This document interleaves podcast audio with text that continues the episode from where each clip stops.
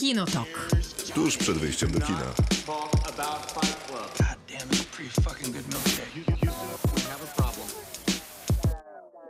Krzysztof Majewski. Maciej Stosierski. I Miłosława Bożek. Gdzie się schowałaś przed nami, że nie macie z nami? Ja jestem w górach w tej udanej pogodzie, o której właśnie opowiadałeś, zapowiadając 22, czyli burze, wiatry, deszcze.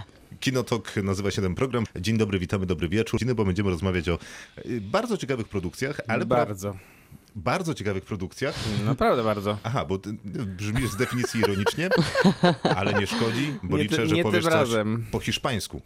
Nie, właśnie nie. Chociaż moim zdaniem film, o którym będziemy, będziemy rozmawiać, który, który prawdopodobnie się mówi luz, to powie jednak jest lucze, moim zdaniem. To amerykański film, dlatego wiadomo, że mówicie na niego po hiszpańsku. Całkiem, całkiem nieźle sobie radzisz, Maciej, z tymi dowcipami.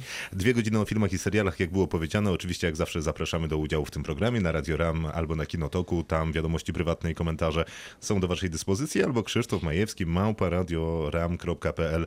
Tam też na wszelkiego rodzaju recenzje, głosy i uwagi na temat filmów, które się obejrzało, albo na temat filmów, o których rozmawiamy. A będziemy dzisiaj rozmawiać o... Halo, halo góry? Halo, halo góry, to ja się zajmę serialem. Będziemy rozmawiać o serialu Wielka. Tym razem jest to telewizja, platforma Hulu, ale możemy serial oglądać na HBO Go. I to taka satyryczna, komediowa, historyczna produkcja, więc e, dosyć niestandardowe połączenie. Katarzyna Wielka, którą ostatnio mogliśmy oglądać nawet również na HBO, ale w tym wypadku już dojrzałej Katarzyny Wielkiej, a tutaj Elle Fanning nam pokaże, jak Katarzyna dochodziła do władzy, a tak naprawdę jak wyglądał początek jej małżeństwa z Piotrem. W taki dosyć no nie, nieoczywisty sposób i na pewno mniej serialowy niż moglibyśmy się spodziewać. To na pewno dzisiaj o Wielkiej będziemy rozmawiać, tylko ciągle nie wiem, Krzysztof, czy na początku, czy nie, ale to chyba zawsze możesz zrobić tą roszadę, tak ładnie zapowiedzieć, że W drugiej części Niezależnie kiedy programu, znajdzie się się nie czas na martwić, wielką. będziemy o Wielkiej rozmawiać, będziemy rozmawiać też o Lucze, jak, Lucze. jak, mówi, A jednak. jak mówi Maciej, względnie jest to luz, Luz, jak tak. kto woli. Naomi Watts, Tim Roth i Octavia Spencer w rolach głównych i żadna z tych ról to nie jest tytułowy luz. I też żadna chyba nie jest najlepsza z tego filmu, ale to o tym będziemy rozmawiać później. To jest y, propozycja, którą można było obejrzeć na American Film Festival w zeszłym roku. I niestety tylko tam, jeśli chodzi o polskie kina. Yy, I więc teraz jest warto, problem, warto o tym przypomnieć. Ser- film jest dostępny na paru co najmniej platformach e, Tak. streamingowych. Na żadnej, jak się okazuje, nie jest dostępny Z napisami. w polskim tłumaczeniu Tak jakimkolwiek. Ani nie ma napisów, Nawet ani na nie ma le- playerze? lektora, ani nie ma y, dubbingu. Y, y, nie, Miłka, tam też nie. No nigdzie po prostu się nie da. Jak chcesz obejrzeć, to możesz zapłacić niemałe pieniądze i dostać film po angielsku. Osobiście uważam, że jest to trochę obciachowe, ale o tym sobie jeszcze porozmawiamy. Na szczęście nie jest on aż taki trudny po angielsku. Wiesz co, głównym bohaterem jest facet, który specjalizuje się w przemówieniach publicznych i ma To pojechać prawda, na... ale to jest Amerykanin. Przemówienia po amerykańsku są jednak prostsze niż po hiszpańsku na przykład. i są takie patetyczne i powoli mówione. Dokładnie. W takim wypadku rezygnujemy z cywilizacji i śladami Debry Grenik wybieramy się w Amerykę, w której cywilizacji nie ma i zacieramy za sobą ślady. To też film, który mogliśmy zobaczyć na American Film Festivalu. I też tylko tam. E, film, trzeci chyba film Debry Granik, y, i znowu z takim sundance'owym jej sznytem. E, film Debra Granik znana głównie z Winter's Bone, filmu swojego drugiego, za który była nominowana do Oscara i dzięki któremu Jennifer Lawrence stała się teraz i, jest aktualnie jedną z największych gwiazd światowego kina. E, A tutaj... Nie, nie wiem, czy nadal jest. No, by, była powiedzmy Miała dwa moment. lata wstecz jeszcze. E, a tutaj mamy historię ojca i córki, którzy żyją w lesie. Trochę jak Captain Fantastic, tylko w wersji takiej na poważnie. Mi się kojarzyło z kolei z Into the Wild, Też. No, Mhm. mi też. Po, nie pamiętam, jaki jest polski Wszystko za życie. Kto to tłumaczy? No, przepraszam, ale kto to tłumaczy? E, Tam z kolei pierwsza rola e, Kirsten Stewart. Tak jest, dokładnie. Mm, I jeszcze mamy jedną rzecz na dzisiaj i to jest bardzo przyjemne, zaskakująco wręcz przyjemne, czyli gołąbeczki. Gołąbeczki, czyli produkcja, która miała być w kinach, e, ale ze względu na pandemię koronawirusa została przesunięta i kupiona przez Netflixa.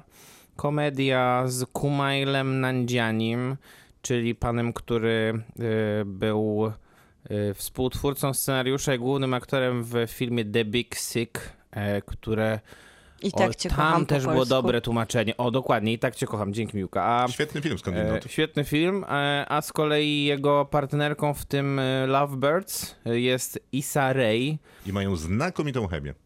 Tak, Miłka, ty kojarzysz serial, z którego ona się wywodzi? Tak, to jest serial dla HBO, ale tak naprawdę ona zaczęła swoją karierę przez e, takie krótkie serialowe filmiki dla YouTube'a, które Aha. dalej możemy oglądać na YouTubie, jeżeli ktoś by się tym interesował. Ona jest stand-uperką i to Ja- ja- ja Awkward się Black. Girl się nazywa, a Insecure to jest serial dla tak. Netflixa, e, na którym możemy ją oglądać. I Nawet ona była nominowana za ten serial odsłonie. jakiś, do jakichś nagród chyba w ogóle, Tak. więc tak, e, to już uznany serial też. Cykl w robocie, czyli co warto obejrzeć w sieci, co do tej sieci trafiło, co jest nowego, a nowe jest y, i to bardzo, bo to zupełnie nowa platforma, na której można oglądać filmy. Jest to platforma sieci kin studyjnych i lokalnych.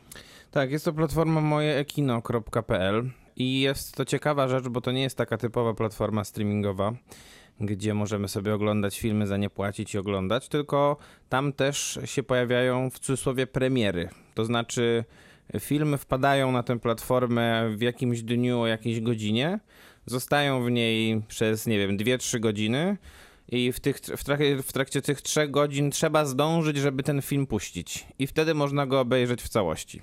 No jest to jakiś taki sympatyczny stres, może związany z tym, że wybieramy się do kina i możemy spóźnić, ale zastanawiam się, czy z perspektywy użytkownika to nie jest po prostu, he? No i po co mam to robić? Obejrzę gdzieś indziej, No tak, no, później. troszkę, to jest, troszkę to jest problematyczne, bo te filmy też znikają od razu z platformy. Ale myślę, że inicjatywa jest ciekawa, szczególnie, że nie wszystkie platformy są tak wyposażone, bo tutaj jest kina, tutaj są jednak filmy tylko i wyłącznie do studyjniaków, filmy, które udostępniły mm, te, e, ci dystrybutorzy i te kina, które, e, które raczej takim kinem się właśnie zajmują, nie wiem, Stowarzyszenie Nowe Horyzonty. Co prawda żadne kino wrocławskie fizycznie No nie właśnie, weszło to do tego ciekawe. programu. Co ciekawe, bo wstępnie widziałem Dolnośląskie Centrum Filmowe na tej e, liście jeszcze w mediach społecznościowych, a ostatecznie tutaj nie trafili. No, Ostatecznie nie. to, to być może jest jakaś tam kwestia Ale też na przykład, pomysłów ale i też na przykład kina e, prowadzone A- przez kino-. Gutek Film też nie weszły, bo kino Muranów nie, nie jest tam, nie ma tam kina Nowe Horyzonty też. Ale jest Kinoteatr Zdrowie z mm, Sokołowska. Tak, pozdrawiamy. Oczywiście, jak zawsze. Oczywiście, że pozdrawiamy. I słuchajcie, no filmów jest tu naprawdę dużo. Faktycznie nie są to najnowsze filmy, ale raczej same sprawdzone. No chociażby asystentka, o której rozmawialiśmy w zeszłym tygodniu, jest tutaj, można oglądać. Film jest naprawdę godny polecenia, mimo że To wymagający. jest nieprawda, bo asystentka jest dostępna od 29 maja na tej platformie, tak przy okazji. Co jest dziwne, bo już miała oficjalnie ple- premierę, czyli- ale dopiero pod koniec maja zobaczymy ją na moje Ekino. No i masz rację, ale prędzej czy później będzie zobaczymy. asystentka dostępna, gdyby ktoś chciał akurat tam ją obejrzeć.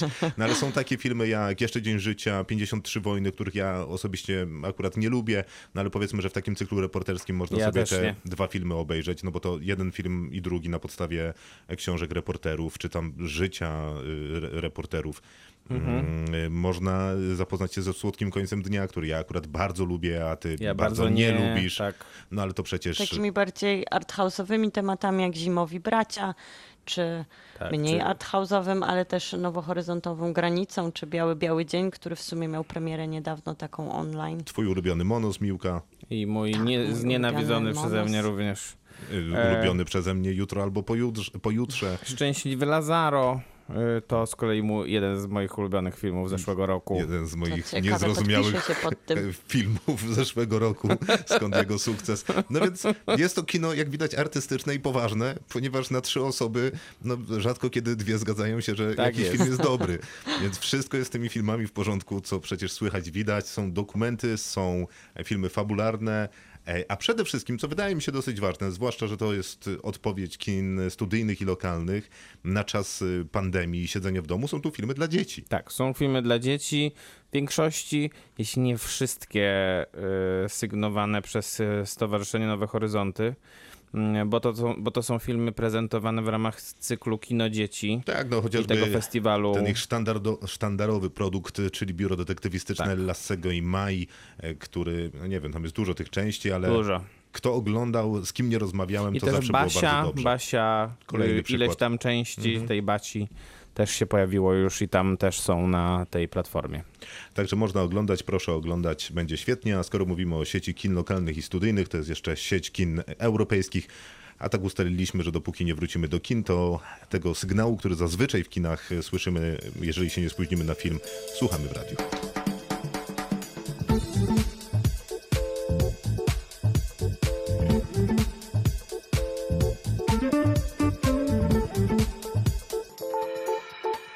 Film, jak ustaliliśmy, nazywa się Lucze. Co to znaczy po hiszpańsku, Maciej? Nie mam pojęcia, mówiąc szczerze. Bo luz na przykład w rozumieniu tego filmu i rozumiem, że w zaczerpnięciu z łaciny czy innego mądrego, ale martwego języka znaczy światłość. I To możliwe, filmie, że to to samo znaczy po i w tym filmie będzie to odmieniane Aż parę razy. Gdzie? W pamięci chyba. No oczywiście, oczywiście. Nie zadzwonię do swojego nauczyciela. Tak, jest to film oparty na sztuce teatralnej. Film, który opowiada historię chłopaka, który żyje w amerykańskiej rodzinie, a pochodzi sam z, jak się dowiedziałem z opisu, bo to chyba, to chyba nie pada w filmie bezpośrednio, Pada. z Erytrei, Pada, mhm. tak? Pada, pada. Znaczy, pada też za oknem i to może być słyszalne, ale nie zamkniemy okna. Tak jest, bo tutaj byśmy się udusili wtedy. Przybył do Ameryki i żeby się zaadaptować do, do, mm, do społeczeństwa, musiał przejść pewnie bardzo ciężką terapię psychologiczną, bo w, podczas swojego pobytu w, w kraju pochodzenia no, był zaangażowany w takie coś, takie zjawisko, które się nazywa, że to byli żołnierze dzieci, tak? Tak, Tak to jest. można nazwać. Mhm. No i teraz poznajemy go jako najlepszego ucznia w szkole. Atletę. Tak. Y, Po prostu Prymusa. idealnego. Super dziecko. Tak. No i, się go nie lubić, no i, nag, przystojny, no i nagle jakaś rysa y, się na nim pojawia. Przynajmniej tak to zaczyna wyglądać. Znaczy sprawa wygląda tak, że ma nauczycielkę, która zaprasza, je- którą gra Octavia Spencer, która zaprasza Naomi Watts, czyli matkę tego Lusa. E, Ona przychodzi, rozmawiają, nauczycielka wyciąga Wypracowanie. wypracowanie, rozprawkę, tak pewnie się też w twoim liceum mówiło i mówi Szanowna pani, no jest pewien problem z twoim y, dzieckiem, synem, że wszystko z nim jest wspaniale, no ale napisał y, y, pracę, w której stawia takie mocne tezy, y, jakoby jeżeli ktoś z nami się nie zgadza, to powinniśmy użyć argumentów siłowych.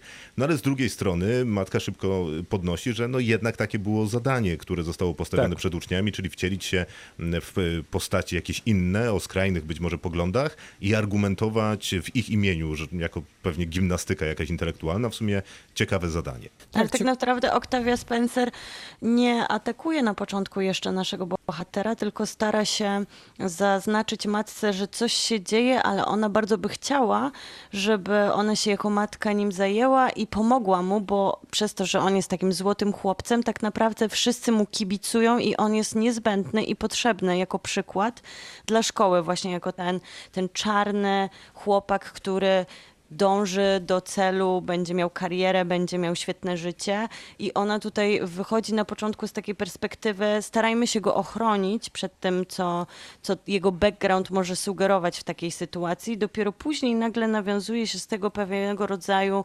manipulacyjna gra i poza tym, że jest to dramat, trochę pojawia się taki element thrillera. No i tu jest dosyć zastanawiający ten moment, bo faktycznie z jednej strony pojawia się ten thriller, tylko że on nigdy nie rozwija skrzydeł, moim zdaniem, bo było sporo takich filmów, które polegały trochę na tego rodzaju napięciach, na tego rodzaju nieoczywistościach. Musimy porozmawiać o Kevinie, jest tego takim skrajnym y, przykładem. Natomiast y, tutaj wydaje mi się, że ta polemika, którą Luz chciałby prowadzić z kimkolwiek y, z, ze swojego otoczenia, to być może nawet nie z, z rodziną, nie ze szkołą, nie z nauczycielami, co no, on w gruncie rzeczy, jeżeli się na coś oburza, to na system. No, y, mam się zagodzić teraz, powinienem w sumie. Podążaj za głosem swojego serca. Znaczy, nie za bardzo rozumiem, dlaczego uważasz, że y, ten, że ten, że ten thrillerowy sznyt się tutaj, się tutaj nie, Ja nie nie. wybrzmiewa do końca, Aha, bo... bo, bo jak myślę thriller, to myślę, że tak w tłumaczeniu, to że tu będzie jakiś dreszcz w tym i jakieś emocje i napięcie. No ale A to tak napięcia... Nie za bardzo. A nie, no to, to tutaj się nie Ja zgodzimy. To napięcia jednak jest dużo i ono wynika nie z tego, że tutaj są jakieś przewroty akcji, czy, nie- czy jakieś wydarzenia oczekuję niesamowite, tylko, tylko z tego, że pomiędzy bohaterami jest strasznie dużo napięcia i to, i to napięcie wynika z samego, z samych nawet wymiany dialogów, które, które, które następują. No bo em, jest w tym filmie chociażby scena, w której następuje swego rodzaju konfrontacja e, pod, nie wiem, e, pod nadzorem dyrektora tej szkoły. A no to jest I w zasadzie finał filmu. I ta scena jest y, pełna napięcia. I ta scena jest. y, I to, i to, tak, i to tam bardzo mocno wybrzmiewa, wydaje mi się. Być może, Ja myślę, ale że w ogóle to... świetnie muzyka Jeffa Barrowa tutaj buduje taką, taką, taki niepokój, który wzrasta, taka elektroniczna dawka, która się pojawia w tych momentach dosyć budowanych przez cały film nieoczywistości głównego bohatera. To jest taka największa tutaj dla mnie taka zabawa z widzem. Ja się czułam bardzo niespokojna przez cały film, bo nie wiemy do końca i w sumie tej odpowiedzi tak naprawdę, co najbardziej mi się podoba w tym filmie, nie dostajemy, czy nasz bohater ze względu na kontekst, ale może również nie tylko jest socjopatą, czy może po prostu przeżywa taki nastoletni bunt, który zdarza się w tym wieku i w kontekście prawdopodobnie innego nastolatka byłby łatwiejszy do zrozumienia, chociaż te pewne narzucenie stereotypów i odpowiedzialności tak. naprawdę byłoby tym problemem dla rodziców podobnym nawet bez tego kontekstu. No, ale Wracając jeszcze do tego napięcia, bo chciałbym się do niego odnieść, to y, być może to napięcie w tym filmie jest, tylko być może nie w tych momentach, znaczy nie w tych miejscach, w których bym się go spodziewał. Mhm. Bo jeżeli mówisz, że on jest w dialogu i w rozmowach, to szukałbym tego napięcia w rozmowach Naomi Watts z Octavią Spencer, czyli matki z nauczycielką, a nie A specjalnie... dlaczego? Dlaczego nie w dialogach pomiędzy Między nim a nią. między nim a nią, czy między nim a matką? Przecież Obawiam te. się dlatego, że Kelvin Harris Jr., który gra głównego bohatera, być może nie jest Naomi Watts, a nie Octavią Spencer. I W jakim sensie? Że słabo gra? Aktorsko? tak. O, Jesus Christ, żartujesz chyba. w ogóle mi się nie podoba to, O co on tam ja, robi. nie, no żartujesz. Nie, ani trochę. Nie, nie mogę tego, nie mogę w to wierzyć, że to mówisz. Jednak. Nie, on najlepszy jest z całego filmu. Nie mogę go znieść. Nie, no On nie. jest fantastyczny, właśnie on zachowuje tą, tą idealną gdzieś nierównowagę pomiędzy tą manipulacją, którą stosuje, a z drugiej strony tym niewinnym nastolatkiem i no niewinnym, tym nastolatkiem, który może być targany po prostu tymi Nie, no, ma uśmiech Hannibala. Lectera. Tak, Nie, no, dokładnie. naprawdę. Nie, no ale to wygląda jak uśmiech Hannibala Lectera, który sobie wymyśliłem na przerwie y, jedząc bułkę. No, w sensie Nie, jest... absolutnie nie. To w jest, sensie ten uśmiech jest, Hannibala Lectera wygląda tak, że w takim wypadku nie wiem jakimkolwiek cudem ktokolwiek mógł mu uwierzyć. W sumie ja to? sobie tak wyobrażam socjopatyczne dziecię, jak on w tym filmie. Wszystko tutaj gra, w sensie jestem w stanie sobie wyobrazić, że jeżeli ktoś ma zapędy na socjopatę, może posyłać takie sztuczne uśmiechy, ale nie sztuczne jako zła gra aktorska, tylko sztuczne, ponieważ nie wiemy tak naprawdę, czy on się uśmiecha, Naprawdę? To czy dajcie z nami nie- to, już, to manipuluje. już nawet zostając przy tym uśmiechu, to gdyby ktokolwiek się tak uśmiechał, to y, naprawdę no, trzeba by go zamykać y, prewencyjnie. Dlaczego? Nie, właśnie sam ten uśmiech wprowadzał ten, ten, ten element napięcia. Sam ten uśmiech tego bohatera pokazywał, że on, że on jest niejednoznaczny i być może sam nie do końca wie, jaki jest. I, i, przez to, I przez to my się niepokoiliśmy. Znaczy, ja się zgadzam z tym, że aktorsko drugi plan też jest tutaj bardzo mocny, ale Ja nie mam co do tego wątpliwości, to- no, ale rozmawiamy faktycznie o Kelvinie Harrisie, Harrison, Harrisonie Juniorze, który gra tutaj główną rolę. No nie wiem, dla mnie ta scena chociażby mm, finałowej przemowy, bo jak mówiliśmy, mam nadzieję, że mówiliśmy, on jest poza tym, że sportowcem i świetnym uczniem, to także mówcą i mistrzem debat i w Taką ogóle. twarzą są szkoły. popularne w Stanach Zjednoczonych jako forma jakiejś tam rywalizacji. No I tam jest scena, w której on przygotowuje się do takiej mm, finałowej przemowy, zarówno w filmie, jak i swojej edukacji. No i mi się wydaje, że to jest jedna z najsłabszych scen tego filmu. Wydaje mi się, że nam, nawet jakiegoś takiego dosyć prostego zadania aktorskiego nie dźwiga. Niesamowite, po prostu mam tak szerokie oczy, jak e, nigdy chyba nie miałem, jak słuchałem tego, co mówisz.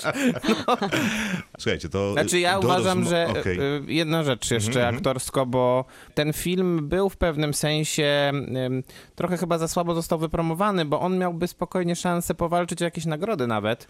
I myślę, że Octavia Spencer powinna być za niego nominowana do Oscara, bo zostając przy tym, że uważam, że główny bohater jest najlepiej zagraną postacią w tym filmie, no to ona jest tutaj być może najlepsza w karierze, bo jest zupełnie inna od tych swoich ról. Dokładnie.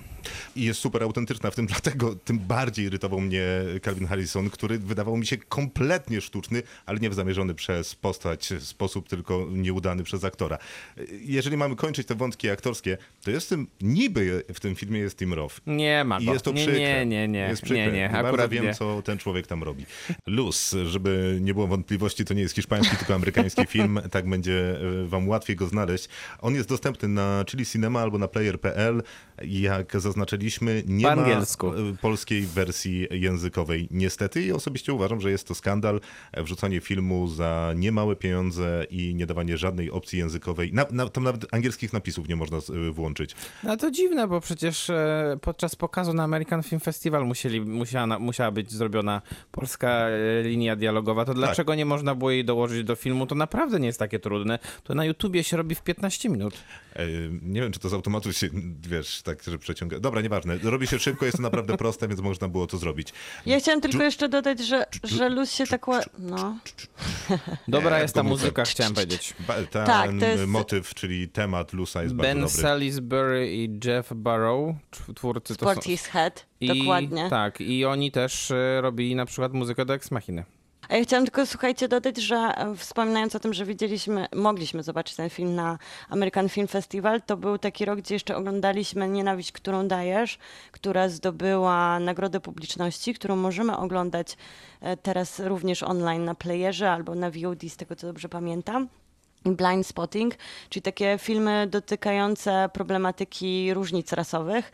I Nienawiść, którą dajesz, to jest jednak film, który bardzo tak wtłacza na ten, na, nam ten problem bardzo bezpośrednio. On tak punktuje, tak, e, Tak. tak stawia kropkę nad i, a luz Odhacza. jest zdecydowanie bardziej subtelny Tak, tym. subtelny. I tutaj ten scenariusz i te właśnie trochę zabawa z widzem, tym napięciem i gatunkami i też nie danie jednoznacznej odpowiedzi na koniec wydaje mi się taką ciekawą propozycją w tym, że ostatnio oglądamy coraz więcej filmów z tego nurtu, ale ten ma dużo więcej do zaproponowania i wydaje mi się, że też po tym filmie na, widz zostaje z wieloma, on zostaje w głowie, zostaje nam wiele pytań, mamy ochotę Tak. do dyskusji, ta postać, y, czy zagrana dobrze, czy nie, tutaj do Krzysztofa odpowiadam, rezonuje w nas y, ta, i ta postać, i ta relacja społeczna, i Ale to jest wszystko prawda. Postać jest zwłaszcza. bardzo interesująca i wydaje się, że film jest też bardzo odświeżający po tym, nie wiem, obejrzałem mnóstwo takich produkcji lepszych lub gorszych przez ten czas kwarantanny głównie w domu. Na tym filmie siedzi się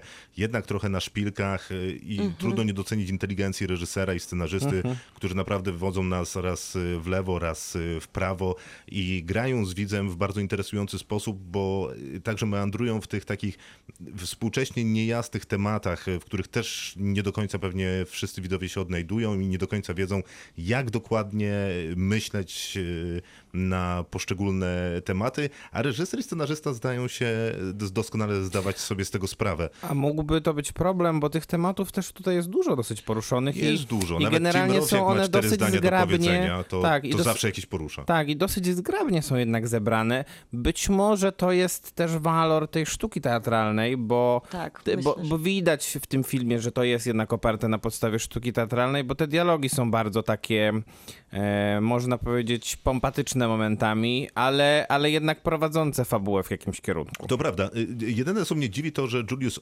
Ona wyreżyserował ten film. To jest człowiek, który zrobił wcześniej Paradox Cloverfield.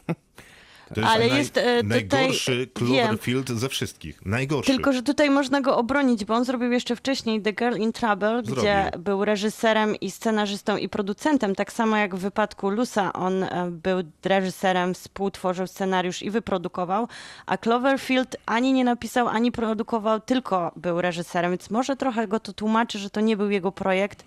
I dlatego jest to najgorszy z Cloverfieldów, bo jest to zadziwiające, że to faktycznie ten sam reżyser, ale widać, że projekty, które robi w całości, to są jego dzieci, naprawdę dobrze mu wychodzą, przynajmniej Luz to sugeruje, ale The Girls in Trouble również gdzieś zapowiadała, że będzie to ciekawy reżyser. Film dobry, może nawet bardzo dobry. Pewnie gdyby wyciąć z niego parę linijek y, dialogu, to by nikogo nie zabolało. Co do głównego Tylko problematyczny, bohatera, bo po angielsku. A w zasadzie aktora, to można y, Nie oceniać już się. samemu. Sam się nie odzywaj. Patrz, y, pokazać ci jak się nie odzywasz? No jak? E, poczekaj. O, już.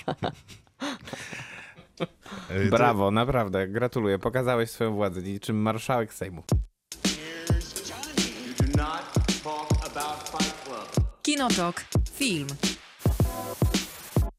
Tym razem weteran wojny zamieszkuje z 13-letnią córką publiczny park i mieszkają w takim no, namiocie, obozie w zasadzie stworzonym z namiotu i paru jeszcze dostawek i tam żyją chowając się przed cywilizacją. Dosyć ciekawe, że dosyć długo nie wiemy w zasadzie co ci ludzie tam robią. No nie, wiadomo, no, no nie wiemy, co robią tak naprawdę w ogóle. No żyją po prostu. Polują, nie polują. Nie ma tam na co polować w parku. No, być może coś tam jest, ale niespecjalnie jest na co polować, tak co do zasady oczywiście masz rację, E, ale no z czasem, kiedy ten film się trochę rozkręca, dowiadujemy się pewnych rzeczy o przeszłości ich i mniej więcej możemy zrozumieć, dlaczego są tu, a nie gdzie indziej, albo domyślać się, próbować zgadywać. No a przez pierwsze tam kilkanaście, dziesiąt, może nawet y, minut filmu, e, no te odpowiedzi pozostają taką dużą zagadką i znakiem zapytania, a mimo to film jest na tyle y, y, magnetyczny, że chcesz z nim zostać w tym lesie. Myślę, że to też jest trochę zasługa Debry Garnik, e, Garnik, która tak świetnie potrafi nas prowadzić tą swoją przestrzeń, którą, która prowadzi tą narrację, czyli ten początek, kiedy jesteśmy na po, z, z córką i ojcem w parku, który może być lasem, Ben po prostu Foster, w tej zielonej... McKenzie, Willie Tak. W tej zielonej przestrzeni, to czy później nawet jeżeli się przenosimy do tych skromnych pomieszczeń, ale zwłaszcza kiedy jesteśmy na zewnątrz, czujemy niesamowitą bliskość do bohaterów, których oglądamy na ekranie.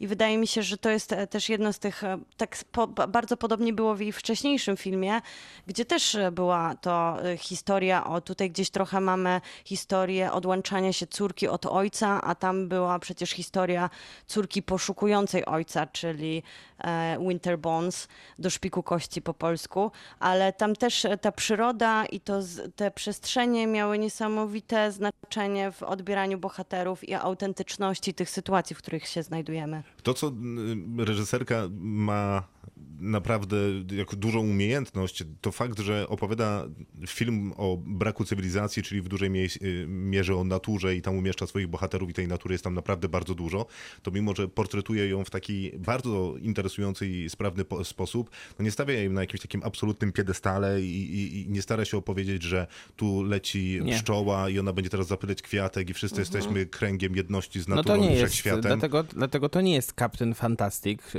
tylko jest to dużo bardziej surowa wizja. Znaczy ja uważam, że y, to nie jest najlepszy film Debry Granik. Y, Uważam, że jednak Winter's Bone jest filmem zdecydowanie lepszym. No, Okej, Y, Ale nikt się z tym nie kłóci. Co nie zmienia faktu, że jest to solidne bardzo kino, takie, e, takie bardzo sandansowe, tak jak powiedziałem, bo ona, bo ona z tego chyba się wywodzi głównie. To jest taka reżyserka bardzo, bardzo niezależnego kina amerykańskiego. Oczywiście masz rację, tylko że to sandensowe kino je, bywa takim trochę skrótem myślowym, którego upatrywałbym Tak, tak. być może szybciej u właśnie Kapitana Fantastic e, Mhm. niż u Debry, ponieważ wydaje mi się, że Takim ona... właśnie, tak jak mówiłeś o tej pszczole, takim przesyconym, takim przejaskrawionym często, a tutaj mamy więcej tego minimalistycznego, wymagającego od widza cierpliwości kina. No właśnie, też mi się tak wydaje, że nawet jeżeli to jest coming of age, no to jednak nie jest to coming of age y, takie radosne z uśmiechem, na, gdzie na końcu wszyscy poklepiemy się po plecach. I nie mówię, że sandensowe kino bywa tylko łatwe.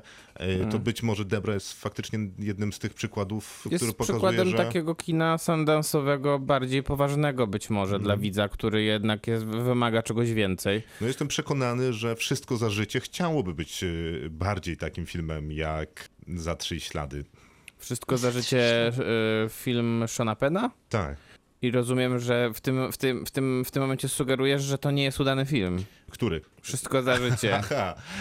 Y, Bo jak teraz coś powiesz, zastanów się. Zastanów się lepiej. Naprawdę się zastanów. Groźby, groźby, groźby. nie, nie podoba mi się twoja postawa, Maciej. Wydaje mi się, że to są groźby. To mo mogą być, ale dobra, y, zostawmy wszystko za życie. I, i jedna rzecz, Ide- którą, którą na pewno, nie, której nie można odmówić Debrze Granik, to to, że prowadzi wyśmienicie aktorów i to jest y, absolutnie niepodważalna rzecz. To jest celowa metafora, że prowadzi aktorów przez te lasy? Nie, prowadzi ich do wyśmienitych kreacji. A, y, okej. Które tutaj rzeczywiście daje zarówno Thomasin McKenzie, która myślę, że powinna być za tę rolę też nominowana do jakichś nagród. Mm, I też y, trochę za mały był chyba to film, żeby, żeby mogła do tych nagród przeskoczyć. Zresztą Ben Foster A ona nie zagrała ostatnio w swoim ulubionym Jojo Rabbit? Zagrała niestety. Zresztą Ben Foster jest też tutaj znakomity. Dużo jest go mniej na ekranie, dużo mniej on pokazuje emocji, ale to jest chyba też trochę taki aktor, który, który tak, tak, tak prowadzi zwykle swoje role. I aktor moim zdaniem przesadnie niedoceniony wciąż i, i szkoda. I znowu nie jestem pewny, ale to on chyba grał Merlina w ostatnim Warcraftie, to jednak jest jakiś tam blockbusterowy film, może to go trochę to- wypromuje. W czym grał? W Warcraftie? Ciężko, ciężko stwierdzić, że Warcraft cokolwiek wypromował. No to prawda, no ale wiesz, duże kino, dużo osób A. zobaczyło, pewnie jego agentowi jest trochę łatwiej. Y, No, no, nie wiem. Nie, nie, nie, wiem. Nie wiem tego. Zadzwoń do tego agenta, spytaj. Zapytam się zaraz po hiszpańsku. Dokładnie...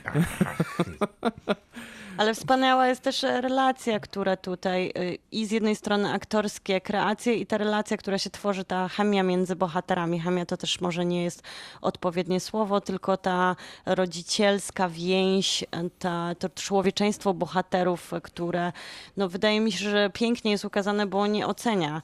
Bardzo jest delikatne dla bohatera Bena Forestera, ale też dla tego tej subtelnej i szczerej rela- relacji, która jest e, między nimi, ojcem i córką i tego właśnie, tego czym jest ta transformacja w filmie, czego wymagają ona nie, pewne w poświęcenia sensie społeczne. nie ocenia, scenariusz nie ocenia, tak? Natomiast Tak, ja, ja tak, na przykład tak. oceniam. Uważam, że postać, którą gra Ben Foster, jak bardzo cenię jego kreację, jest tutaj strasznie irytująca. W sensie ten, ten facet jest... y, Absol- ja rozumiem, że on ma, że on ma ten Ale w sensie background. nie lubisz który... go jako bohatera. Mhm. Nie lubię go jako bohatera. Ja rozumiem, że on ma ten background, który, który jest trudny dla niego do przezwyciężenia, a on jest straszliwym egoistą. Być może jest, chociaż y, też miałem takie wrażenie po scenie, która pojawia się w tym filmie, kiedy oni mają chyba taki pierwszy z dłuższych kontaktów, y, powiedzmy, z państwowością jako Tak, tak. taką. E, I wydawało mi się akurat, że ten główny bohater wypada na plus w zdarzeniu z państwowością, że to państwo nie ma niczego ciekawego do powiedzenia, mimo tej całej swojej łagodności, którą Ale potem wypada oferuje. często jednak na minus, bo w ogóle nie słucha swojej córki. No to prawda. która, która być może z, w sposób e, zdecydowanie zbyt, e, zbyt, zbyt mocny jest dużo dojrzalsza czasem od niego. To, to, No tak, to, ale- to odbiera być może trochę wiarygodności tej relacji, z drugiej, chociaż, chociaż w sumie nie do końca, bo często... mogą odbierać dzieciństwo. To prawda. Bo on jest jednak weteranem pogrążonym w głębokich traumach i problematycznym, e, problematycznym podejściu do życia, z którym sobie nie może poradzić i często chyba dzieci przejmują taką odpowiedzialność za rodziców, więc to, że on tak reaguje, a ona potrafi się wykazać taką dojrzałością jest trochę odpowiedzią na to, w jakim stanie on się znajduje psychicznym. I, i gdzieś taką równowagą po tym, co zachodzi między nimi. I, I to też jest takie kino zaangażowane, które właśnie mówi o tym problemie klasowości, bezdomności i tego, jak system potraktował jego najpierw i w jaki sposób on traktuje swoją córkę w tej rzeczywistości. Chociaż tak naprawdę kieruje nim miłość od początku. Drugi film, drugi raz pada słowo system w relacji bohater coś, więc jest dobrze, jest dobrze. Kinotok. Film. Film nazywa się Gołąbeczki, jest Brawo. dostępny na Netflixie, nazywa się The Lovebirds, gdyby ktoś chciał poszukać y, po angielsku, bo na przykład ja nie mogłem wyszukać po polsku, e, nawet Netflix nie wie, że to są Gołąbeczki. To jest komedia romantyczna, tylko że trochę nie do końca jakby, bo co to za komedia romantyczna, w której oni znają się od początku i znają się na końcu? To jest Nie, no to komedia jednak kryminalna komedia też trochę. No nie, sekundę. Ty jako wielka specjalistka od komedii romantycznych mi to mówisz? No przecież komedia romantyczna wygląda tak. Nie znają się, poznają się po to, żeby się znienawidzić, żeby na końcu być razem. Bardzo różnie wyglądają komedie romantyczne, ale, na spłyciłeś przykład jak... w- strasznie. Przepraszam. I tak Cię kocham, w której oglądamy faktyczną historię Kamela Nanjianiego i jego żony i to ten sam reżyser jest Tak. odpowiedzialny za Lovebirds i za I tak Cię kocham, czyli Big Michael, Love. Michael Showalter. I tak cię kocham. Dokładnie tak. W tym filmie. To tam przecież też się poznają, żyją razem i, i ko- kończą razem. A nie, nie, no właśnie, bo się poznają, później się nienawidzą i kończą razem. I, w- I to jest wszystko w porządku. A tu znają się od początku, no, bywa różnie po drodze i są razem na końcu. No to nie jest komedia romantyczna. Mamy ten krótki fragment zapraszający nas do filmu, gdzie dokonują poznania. Tak jest. Można by to było odhaczyć A, jako widzisz. zapoznawanie się. Bo, to No. jest takie, bo to jest takie poznanie po one night standzie, No które jest, jest, jest troszkę takim innym czymś. Ja jestem starej daty, to jest taka komedia romantyczna Ale to jest też taka komedia. To jest też taka komedia trochę kryminalna i akurat to nie jest za bardzo udane. To jest w ogóle Ja niepotrzebne. myślę, że w ogóle trzeba mówić o tym filmie w kontekście tego, że fabuła jest tu dosyć nieistotna. Jest zupełnie nieistotna, bo są ci bohaterowie, którzy są bardzo fajni i są ci aktorzy, którzy są równie fajni jak ci bohaterowie. Znaczy, historia jest taka, która jest kompletnie nieważna, ale dla porządku Zupełnie. powiemy, że para jest sobą trochę zmęczona. Tak. Zaczyna się faktycznie od tego błyskawicznego poznania, a później są też błyskawicznie, lata. Ale w filmowym skrócie błyskawicznie sobą zmęczeni. Ale nie wiem, mi się podoba to, w jaki oni są sposób sobą zmęczeni. Nie Podoba są mi się, zmęczeni w sposób super intelektualny. Moim jak sobie zdaniem. i- wytykają najróżniejsze rzeczy. Tak. Naprawdę bawi mnie to e, całkiem nieźle. I później... Jadą na imprezę. Też momencik później, tak już, tak już prawie, że już. Jadą na imprezę, zaczyna się wątek kryminalny. Nie, nie mam bladego pojęcia po co, Nie bo da ja mógłbym spędzić z tą dwójką całe Tak, dokładnie. dwie godziny, czy tam godzinę 30, ile tam ten film trwa i wystarczyłoby mi to w absolutnej pełni. Mhm, Nie no, znaczy No to- wątek kryminalny. Ja mam wrażenie, że nie, ostatnio często gadamy o takich rzeczach, gdzie wprowadzany jest jakiś wątek kryminalny po to, żeby posuwać fabułę do przodu. Tak, że tak jest było w serialu, zamogowe. w, w Devs, tak było w jakimś ostatnio też serialu, który oglądaliśmy, który omawialiśmy teraz już wypadł mi z głowy. To prawda. E, Pamiętam, że też był, ale nie pamiętam jaki serial. Na pewno było tak w Devs i, i Nie, gdzieś nie, jeszcze. nie pamiętam też. W jakimś serialu jeszcze. Mm, Spisek przeciwko Ameryce, coś Nie, też takiego mówiliśmy. Dobra, no nieważne. No ale w każdym razie to jest, to jest takie pójście na łatwiznę e, scenarzystów, e, zamiast rzeczywiście stworzyć, no tak jak w Big Sick się to udało, bo Big Sick jest e, bardzo śmieszne, bardzo smutne też momentami, no i bardzo prawdziwe. E, Przez to być może, że jest chemia między bohaterami, być może przez to, że Kumal Nanjiani opowiada swoją historię. Tam jest najlepszy dowcip, jaki kiedykolwiek padł o World Trade Center O, to w prawda. historii kinematografii. Tak, to prawda, to prawda. To... No ale to jest chyba trochę... Chciałem powiedzieć jedną To- rzecz o Kumailu Nanjianim. Z nim jest y, taki problem, że kiedy pamiętam go z jego wcześniejszego filmu, chociażby z I tak cię kocham, to on był takim gościem. Albo nie wiem, czy pamiętacie, w zeszłym roku był jeszcze taki film Stabber. Tak, nie, nie znam. o taksówce.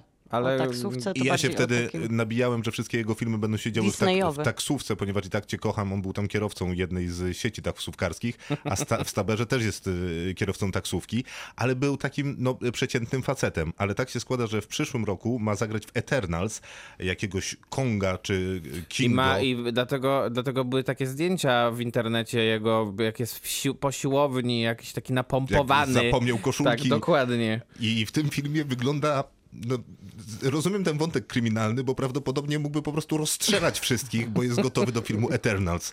E, I, On i zmienił sumie- się fizycznie i nie Tak. wiem, mam wrażenie, że twarz mu się nawet zmieniła i, i, stracił dla mnie trochę ten rys komediowy, y, przynajmniej w tym, jak wyglądał, jak się poruszał. A timingu Ale komediowego nie Nie, nie, nie, nie, stracił. nie, no tego się nie da stracić tak wie, przez Na- siłownię.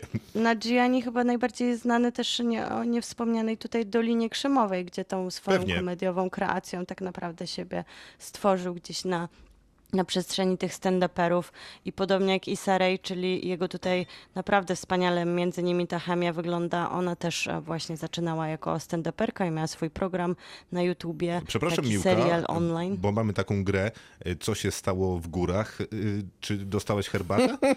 Nie, nie dostałam herbaty. To jest...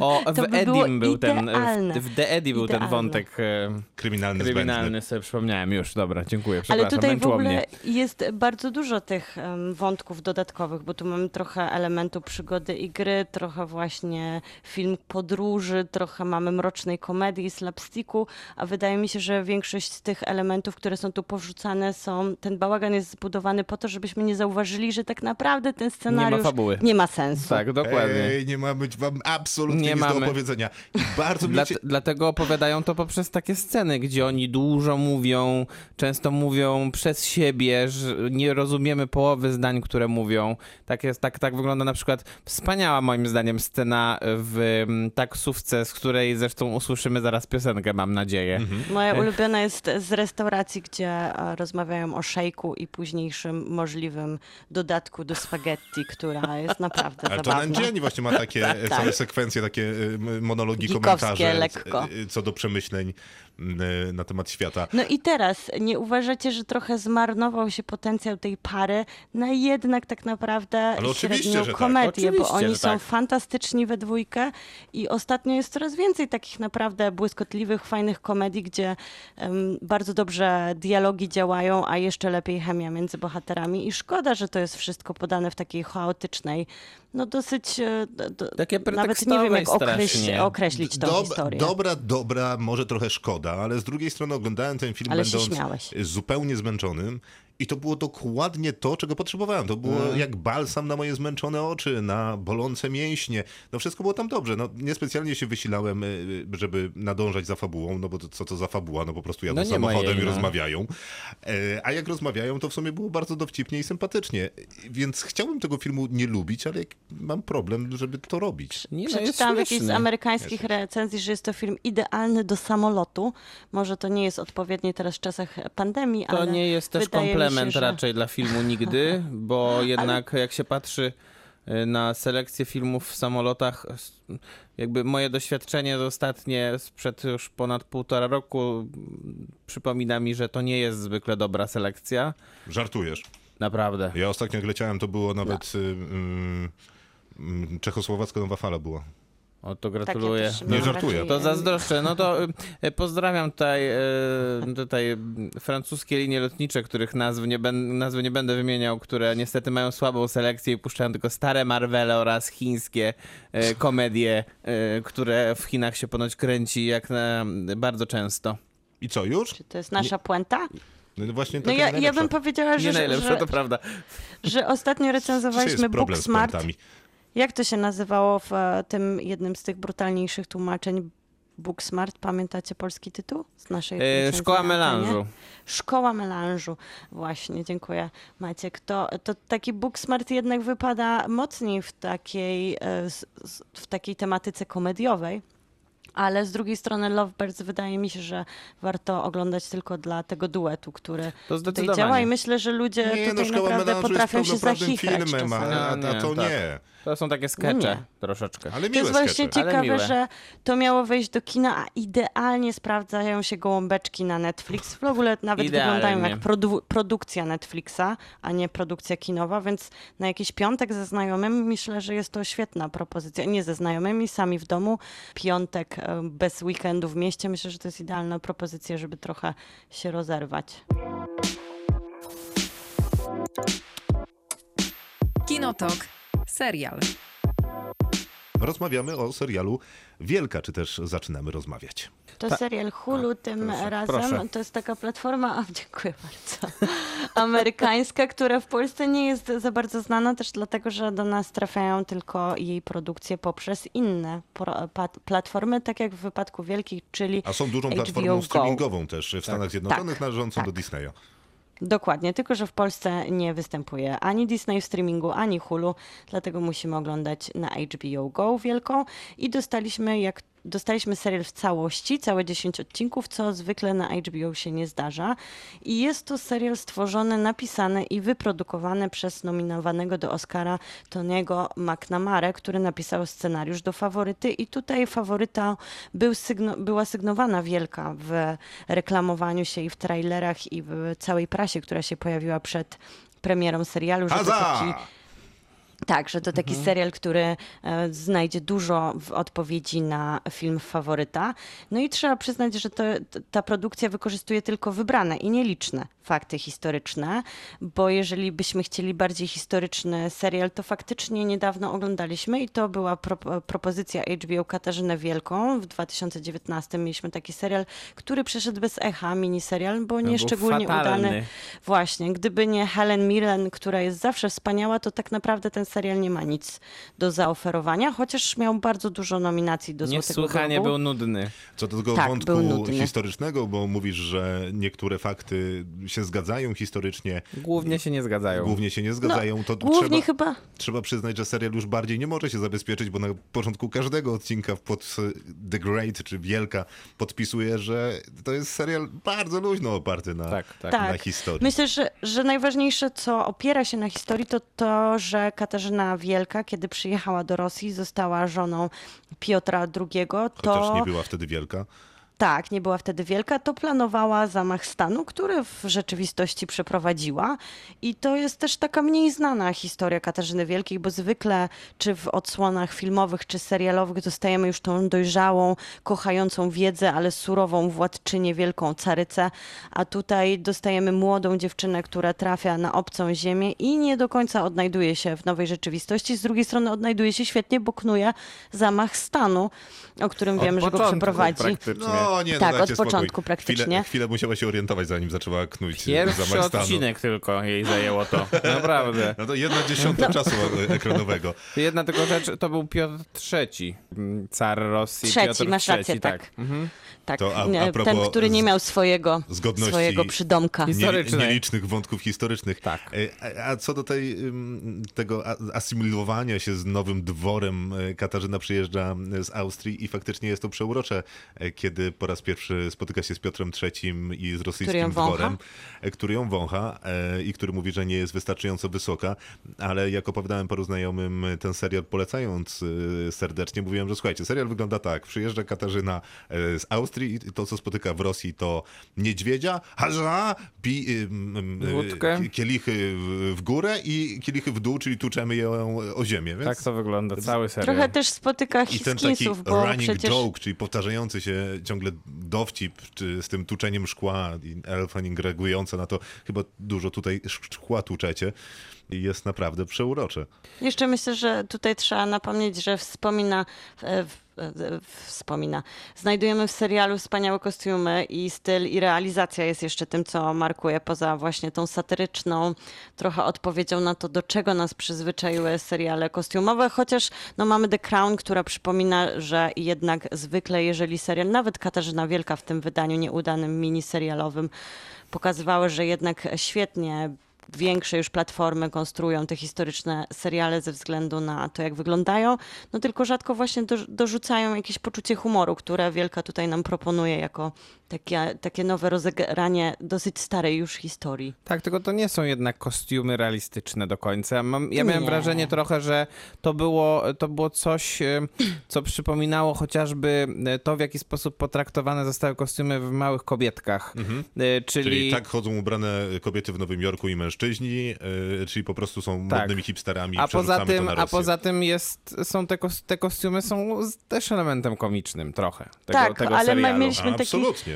I, Mieliśmy i, takich- to jest, I to jest bardzo fajne. One bardzo fajnie pokazują też cechy charakteru, na przykład, e, na przykład cara Piotra III, który jest, gra Nicolas którego gra wspaniale Nicolas Hult. E, Zresztą e, widać, że chyba się rozumieją z e, Tonym McNamarą, bo przecież on też grał w jedn, najważniejszą męską rolę w faworycie.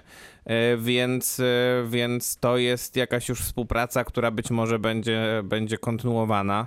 No Ja i myślę, że świetnym jest zabiegiem jest to, to mrugnięcie oka do tego, że on był gwiazdą pierwszych skinsów i, i tam grał Toniego, który był taki seksowny i to było najważniejsze u niego, że on się tak szczycił swoim wyglądem i możliwością zdobywania młodych dam, gdzie no dokładnie tym samym szczyci się Piotr, car. Ale to skojarzenie ze skinsami chyba nie jest przypadkowe, bo miałem dokładnie takie samo. y, Przynajmniej w pierwszych dwóch, trzech odcinkach tego serialu, dopóki no, jakby nie nabrał rozpędu, nie żeby on się wolno zaczynał, ale no powiedzmy, że nabiera tego rozpędu jeszcze więcej. E, I zarówno za sprawą Nicolasa Holta, jak i za sprawą tego takiego, no jednak zabawowego serialu, pełnego imprez najróżniejszych i już tak bardzo przegiętych, no był, y, kojarzył się mocno ze skinsami, no oczywiście nie ma tej reprezentatywności nastoletniego życia młodych Brytyjczyków, ale i coś tam w duchu ma podobnego. No tak, bo Ja znaczy, tylko chciałam ja- jeszcze odnieść się do, tych młodszych kostiumów, słuchaczy, że... którzy może stwierdzą, że jak kostiumowy film o Rosji, to jest to nieciekawe. Właśnie, że nastoletnia Maria, Maria Stewart był też taki amerykański serial, tym razem dla The CV, czyli po prostu kablówkowy amerykański serial, który już bazował na tej młodzieńczości, ale on też e, tam, najważniejsze były kostiumy, to była rewia mody. Ogólnie po prostu chodziło o to, żeby jak najlepiej się ubrać i jak najlepiej wypaść w towarzystwie.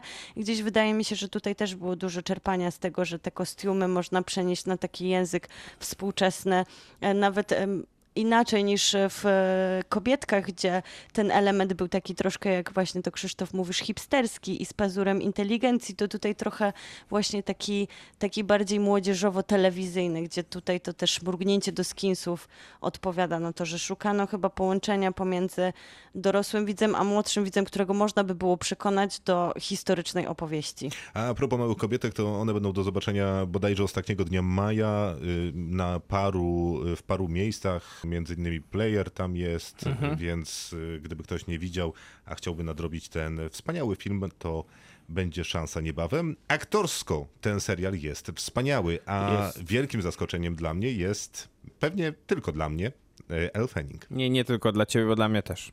Ja nie lubię Elle Fanning. Uważam, że jest po pierwsze dużo mniej utalentowana z sióstr, e, a po drugie nie przekonała mnie do siebie chyba nigdy. Nie wydaje mi się teraz, żeby ta, ten komentarz na temat mniej utalentowana od sióstr był Miał sens. aktualny. Nie, zupełnie nie jest aktualny, bo Dakota Fanning nie gra w filmach właściwie w ogóle już teraz. E, natomiast no, ona jest tutaj prawie tak dobra jak Nicholas Hoult, bo on według mnie jest najlepszym elementem tego serialu aktorskim. Em, No dobra, ale jednak. e, Ale to jest serial Fanning o ma niej. Trochę więcej, trochę więcej do zagrania Do jednak. zagrania Tak, ma tak, trochę jest więcej. trochę No, bardziej on, jest, on jest tak, to się No, zgadza. I, I to wspaniałym. Na, za każdym razem, jak tłucze y, kielich, kieliszek, dzban albo cokolwiek innego, jest cudowny. Za każdym razem, Ale- kiedy przychodzi wyrazić jakąś negatywną opinię na temat y, Katarzyny i, nie wiem, skarcić go, ją w jego y, wyobrażeniu y, i nagle zmienia narrację i mówi, no i dlatego jesteś beznadziejny, ale z drugiej strony jest to czasami dowcipne.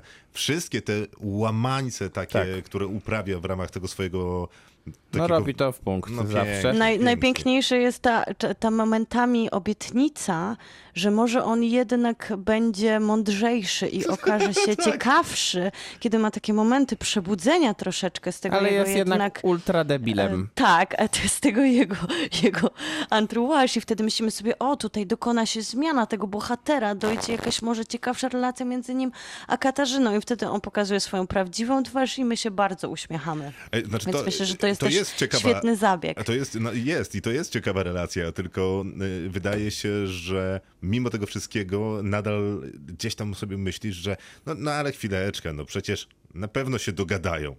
A to mm, nie, jednak Czyli nie. jak, To też jest chyba dobry się zna- zabieg. Po pierwsze, jak się zna historię, to wiadomo, że się nie dogadają. No właśnie, tylko myślę, E, że ludzie strony, bardzo często nie znają serial, tej historii to wszystko jest możliwe. To można byłoby Wielkiej. się zastanawiać, tak. Natomiast ja uważam, że poza tymi dwiema, bo, dwoma bohaterami, to to jest serial jednak, który rządzi się tylko, to on jest, jak, to myślę, że bardzo dobrym określeniem, które jest ciężko przetłumaczyć jednak na język polski, jest to, że to jest taki character-driven e, serial. To znaczy, że jego e, emocje, jego, jego em, Oparty na bohatera. Dobrze, oparty Tak, jest na tak. bohaterach i, i ci bohaterowie są bardzo fajnie napisani, są bardzo kolorowi. Widać, że ten Tony McNamara czuje też, em, em, czuje też kostium jako, jako, element, em, jako element fabularny.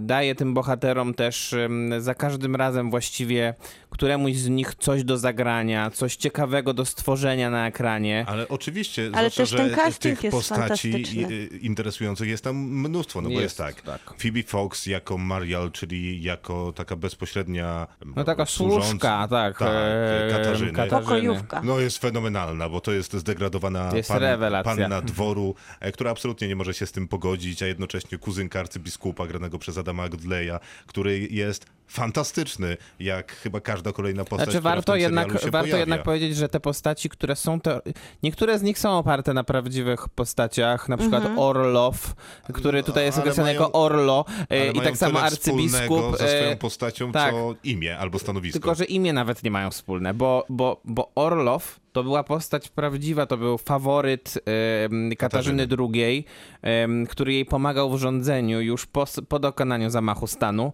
a tutaj A wcześniej oni, był wątek polski oni tak mówią, naprawdę oni mówią o nim Orlo, tak? Prawda. Tak samo em, arcybiskup. Arcybiskup akurat nie jest postacią autentyczną, natomiast No dobrze, czy natomiast Rosjanie się mówi o nim takim- Archie, albo jak to jest w polskim tłumaczeniu Arcy.